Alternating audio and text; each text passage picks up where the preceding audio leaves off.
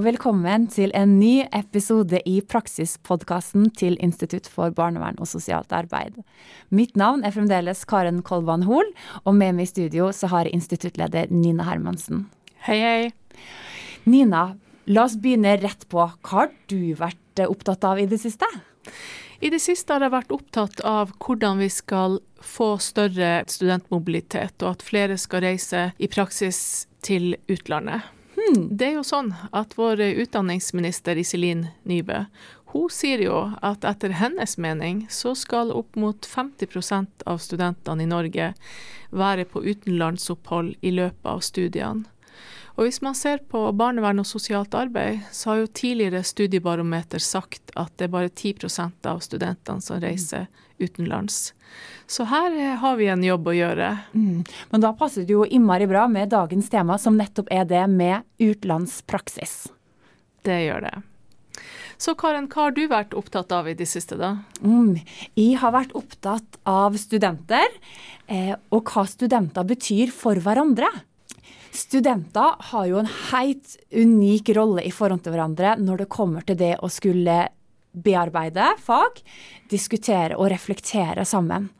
Eh, og se det at eh, studenter sitter i grupper, jobber seg gjennom pensum, fagstoffet sammen, eh, utfordrer hverandre, byr på seg sjøl, støtter hverandre, tenker jeg det er en verdi som er helt uvurderlig, og som ikke kan erstattes av oss faglærere, fagstoff, input, andre måter. Mm.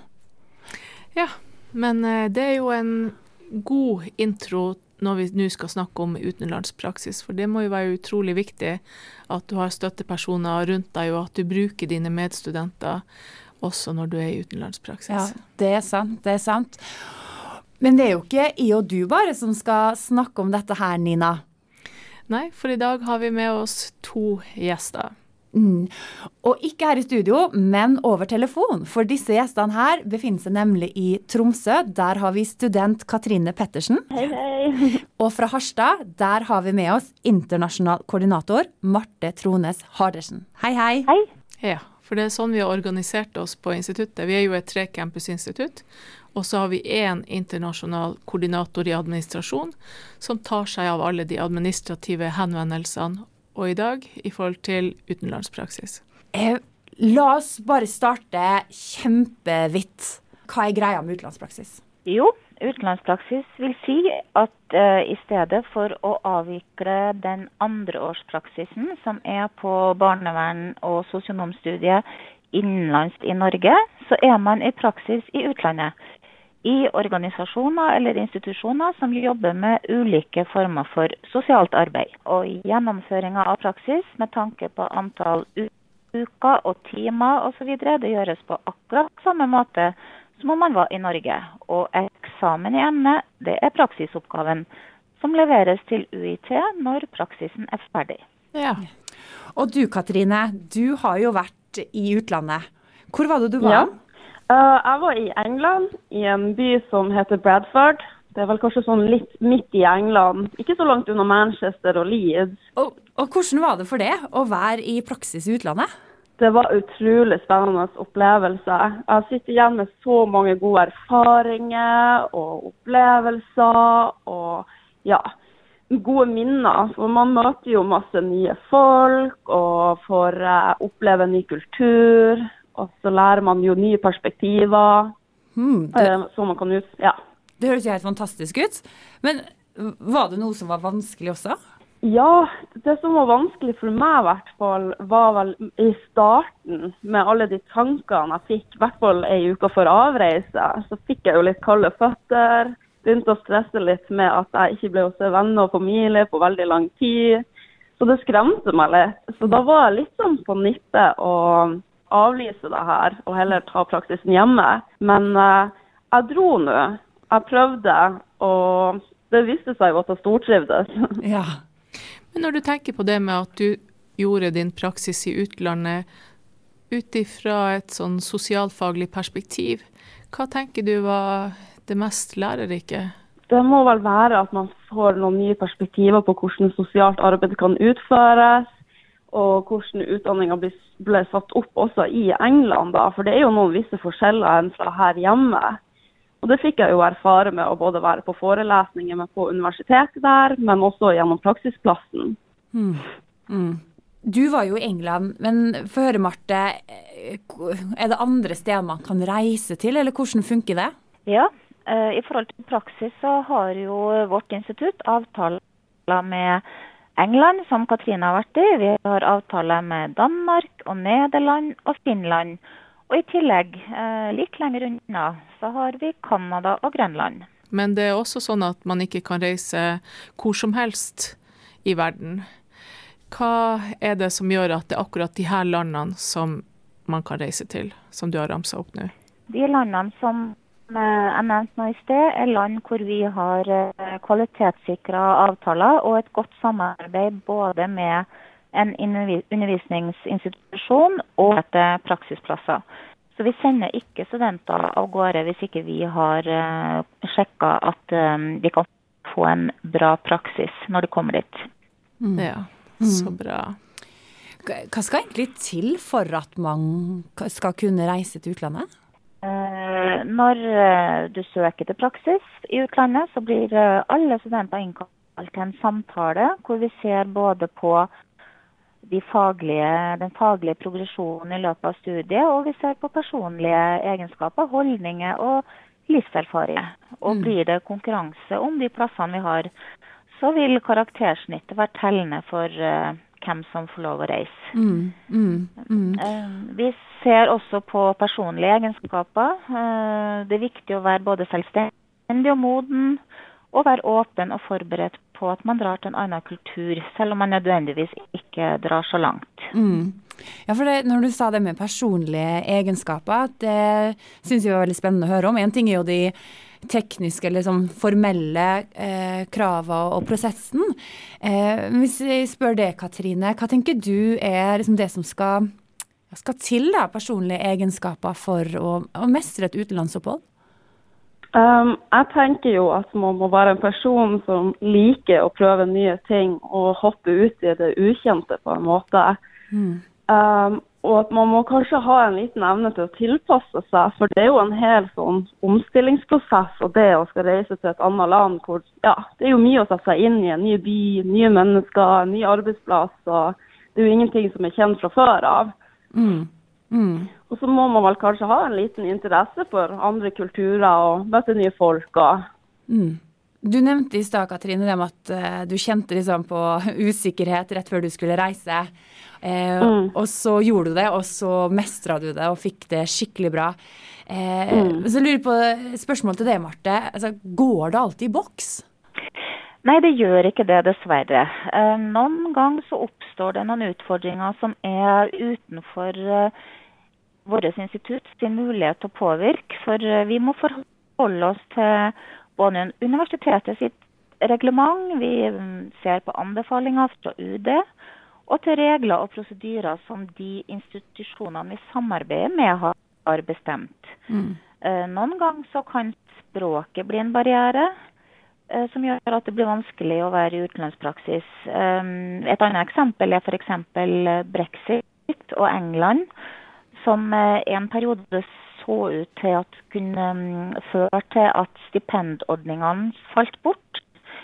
Men eh, vi er alltid på studentenes side og jobber jo for at flest mulig skal få lov å reise ut. Men så er det av og til sånn at det er ikke alle tingene vi har mulighet til å påvirke. Mm. Ja. Du sa også noe om stipendordninger, fordi det er jo også et spørsmål som mange lurer på. Hvordan blir det økonomisk når jeg skal reise i utlandet?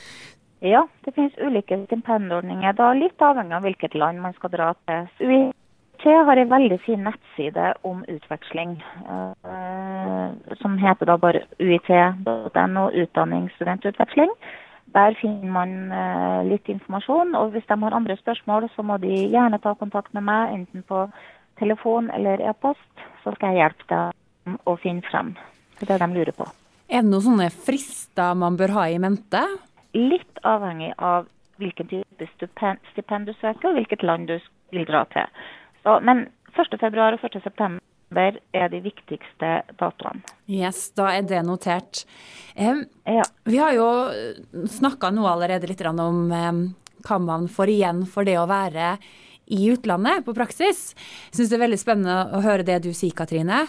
Eh, Og så lurer jeg på, er det noe man taper på å være i praksis i utlandet istedenfor i Norge? Um, det kanskje jeg tenker på mest der, er vel det at det er flere i klassen min da, som ble tilbudt eh, å kunne fortsette å jobbe på praksisplassen deres når praksisperioden var over.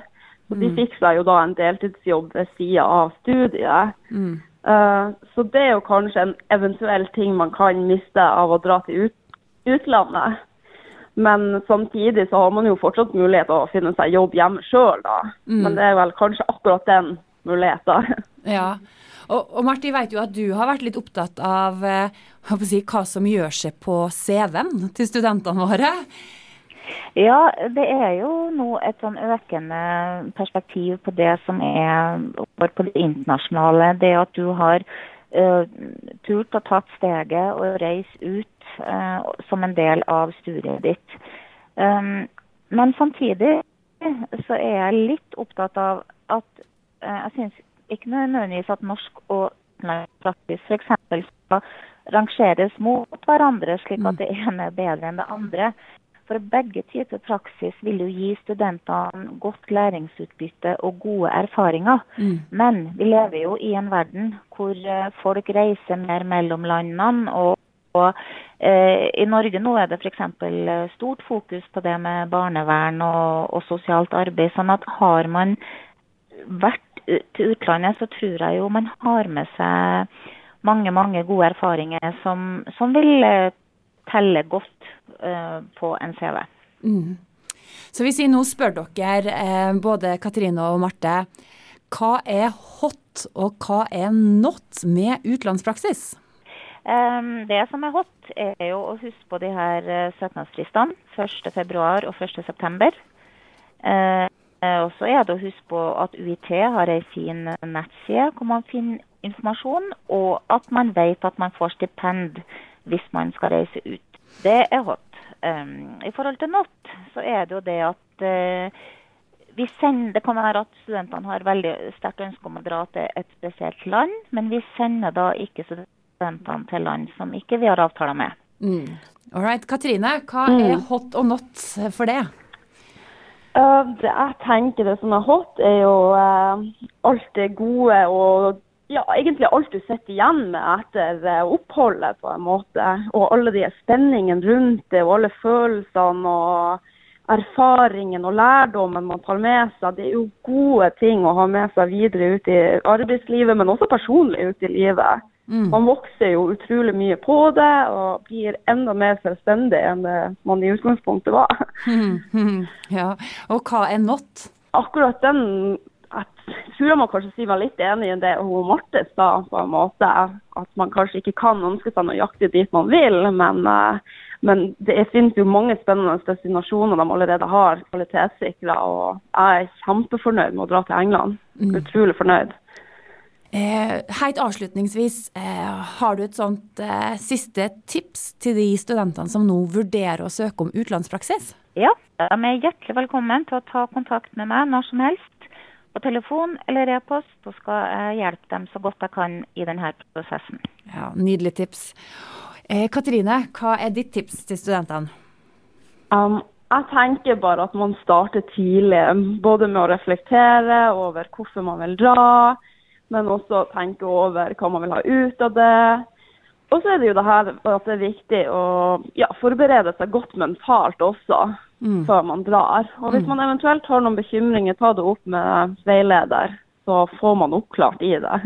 Yes. Ja, supert. Det var nydelige tips fra dere begge. Da sier vi tusen takk til Marte og Katrine, som har vært med oss her i studio eh, over telefonen. Ja, det var veldig fint å få både informasjon og erfaring og opplevelser i forhold til utenlandspraksis. Men neste gang, Karen, da er det jo egentlig også folk som skal reise litt av gårde i praksis som står i fokus. Det stemmer, for vårt praksisområde er jo i Finnmark-Troms. Og så er det da en del som vil oppleve at de skal reise vekk fra universitetsbyene sine. Og hvordan oppleves det? Og hva er de praktiske forholdene rundt dette? Det skal vi ta opp i neste episode.